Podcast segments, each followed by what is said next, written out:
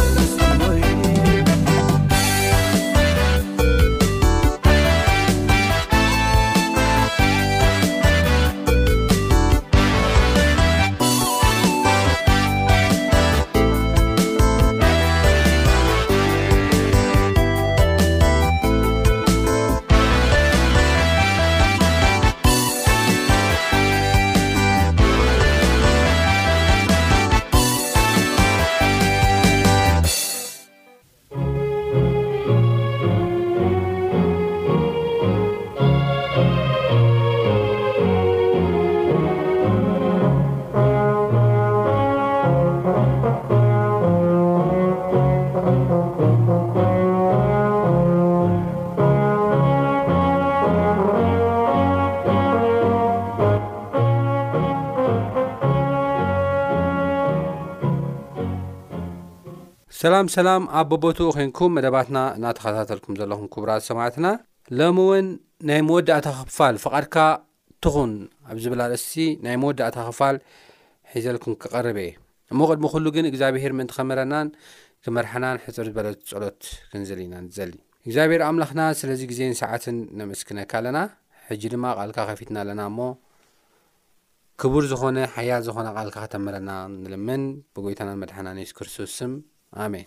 ኣብ ዝሓለፈ ናይ ቃል ግዜና ፍቓድካ ትኹን ኢሎም ዝጽልዩ ሰባት ናይ እግዚኣብሄር ፍቓድ ኣብ ህይወቶም ከም ትከናወን ኩሉ ግዜ ድማ ኣመስገንቲ ከም ዝኾኑ ኩሉ ግዜ ድማ ሕጉሳት ከም ዝኾኑ ኩሉ ግዜ ድማ ከይባተኹ ዝጽልዩ ሰባት ከም ዝኾኑ ርኢና ነርና።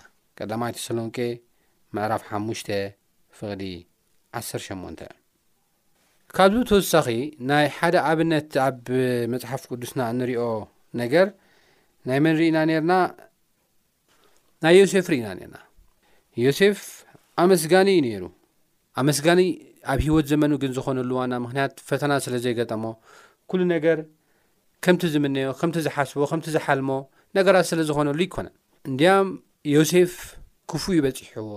ካብ ብሕዋቱ'ዩ ተጠሊሙ፣ ብሕዋቱ'ዩ ተሸይጡ፣ ብሕዋቱ'ዩ ተደብዲቡ። ብንእሽተይ ዕድሚኡ ናብ ዘይፈልጦ ሃገር'ዩ ተሰዲዱ ባርያ ኮይኑ።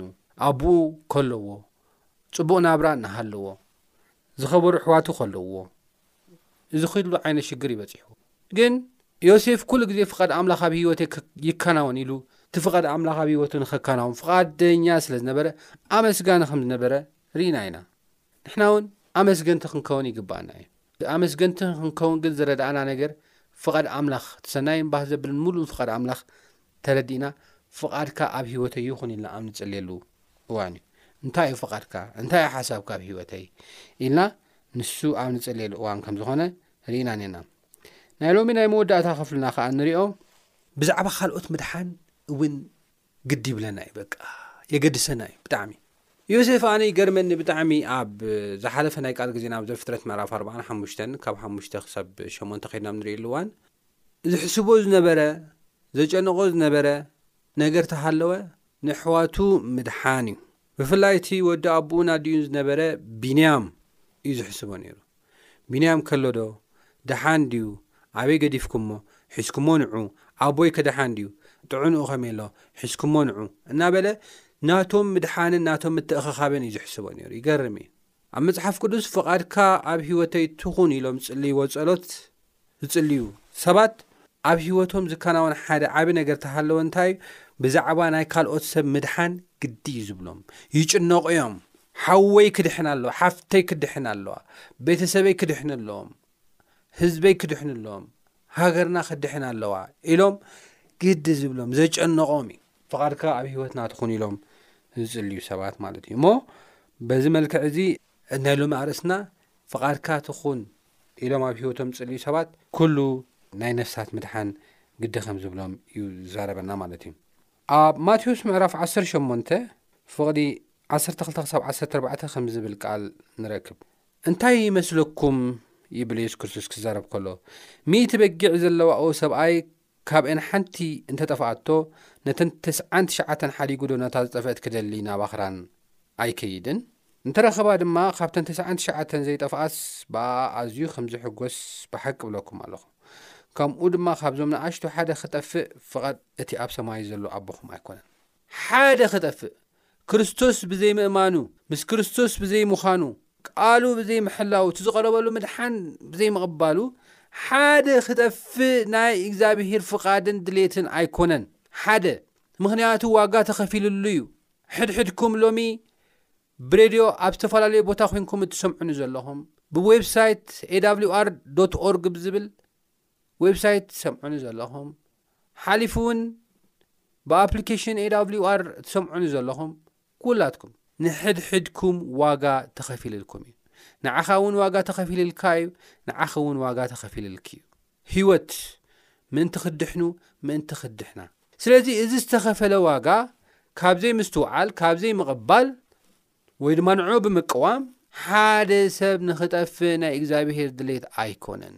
ንዕኡ ዝተዳለወ ስፍራ ኣሎ። ብክርስቶስ የሱስ ደም ዋጋ ክኽፈለሉ ከሎ ኣብ ሰማይ ናይ ዘልኣለም ህይወትን ንዕኡ ዝተዳለወ ክብርን ኣሎ። ሕድሕድ ንዓኻ ዝተዳለወ ክብርን ንዓኻ ዝተዳለወ ዘልኣለም ህይወትን ኣሎ። ስለዚ እዚ ንዓኻ ዝተዳለወ ክትስእኖ ናይ እግዚኣብሄር ፍቓድ ኣይኮነን። ክትስእንዮ ናይ እግዚኣብሔር ፍቓድ ኣይኮነን። ክትስእንዎ ናይ እግዚኣብሔር ፍቓድ ኣይኮነን። ናብኡ ክትመጹ ብክርስቶስ ኣሚንኩም ድማ እቲ ምድሓን ኣምላኽ ክትቅበሉ ናይ እግዚኣብሔር ፍቓድ እዩ። እሞ እዚ ጥቕሲ እዚ ሓደ እኳ ክጠፍእ ናይ እግዚኣብሔር ፍቓድ ከም ዘይኮነ እዩ ዝነግረና ማለት እዩ። ቀጺሉ ኣብ ዮሃንስ ወንጌል ምዕራፍ 6 ፍቕዲ 39 ተመሳሳሊ ሓሳብ እዩ። ኣነ ይብል ካብ ሰለሳን ሸሞንተን ክጅምር ከሎ ፍቓድ እቲ ዝለኣኸኒ እምበር ፍቓደይ ምእንቲ ክገብር ኣይኮንኩን ካብ ምድሪ ናብ ሰማይ ወሪደ ዘለኹ ይብል ክርስቶስ ንወዲ ወይ ድማ ንክርስቶስ ርእዩ ብኡ ዝኣምን ዘበለ ናይ ዘለኣለም ህይወት ክረክብ ኣነ እውን በታ ድሕረይቲ መዓልቲ ከተንስኦ እዚ ፍቓድ ኣቦይ እዩ እሞ ካብቲ ንሱ ዝሃበንስ ዘበለስ በታ ድሕሪት መዓልቲ ከተንስኦ እምበር ሓደ እኳ ከይጥፍእ እዚ እውን ፍቓድ እቲ ዝለኣኸኒ ይብለና ስለዚ ፍቓድ እግዚኣብሄር ፍቓድ ኣቦና ብክርስቶስ የሱስ ብምማን ኣብታ ዳሕረዊት መዓልቲ ካብ ሞት ክንትሲ እዩ ዘልኣለም ህይወት ምእንቲ ክንረክብ እዩ እቲ እግዚኣብሄር ዘዳለወልና ክብሪ ዓይኒ ዘይረኣየቶ እዝኒ ዘይሰምዓቶ ኣብ ልቢ ሰብ እውን ዘይተሓስበ እግዚኣብሄር ነቶም ዘፈትዎ ዘዳለወሎም ንኽወርሱ እዩ ፍቓድ እቲ ናይ ሰማይ ዘሎ ኣቦ እዚ እዩ ፍቓዱ እዩ ዝብለና ዘሎ መፅሓፍ ቅዱስ እሞ ከ ደኣ እዛ ሓሲብና ናብ ክርስቶስ ንምፃእ ክሳብ ክንደ ኢና መዓስ ኢና ውሳኔ ክንገብር ዘለና ሕጂ እያ መፅሓፍ ቅዱስ መዓልቲ ምድሓን ሕጂ እዩ ዝብለና ሕጂ ኢና ክንመፅ ዘለና ናብኡ ክንቀርብ ዘለና ሕጂ እዩ ፅባሕ ኣይኮነ ድሕሪ ፅባሕ ኣይኮነ ምስ ኣረግና ኣይኮነ ምስ ቦታ ምስ ቀየርና ኣይኮነ ሕጂ እያ እታ መዓልቲ ምድሓን ክርስቶስ ንዑ ከም ግሊ መድሓና ጌርና ክንቀበሎ ሕጂ ከም ዝደሊ ፍቓዱ እዩ ብክርስቶስ ኣቢሎም ይብለና እብራውያን ምዕራፍ 7 ፍቕዲ 125 ድማ ብክርስቶስ ኣቢሎም ናብ ኣምላኽ ዝመፁ ኩሉ ግዜ ምእንትኦም ዝልምን ዝነብር ስለ ዝኾነ ፈፂሙ ድማ ክድሕኖም ይኽእል እዩ ብክርስቶስ ኣቢሎም ናብ ኣቦ ክበጽሑ፣ ብክርስቶስ ኣቢሎም ልመንኦም ዘቕርቡ፣ ብክርስቶስ ኣቢሎም ኣብ ሰማይ ክኣትዉ ዝደሊ ብምሉኦም ፈጺሙ ከድሕኖም እግዚኣብሄር እንታይ ይኽእል እዩ።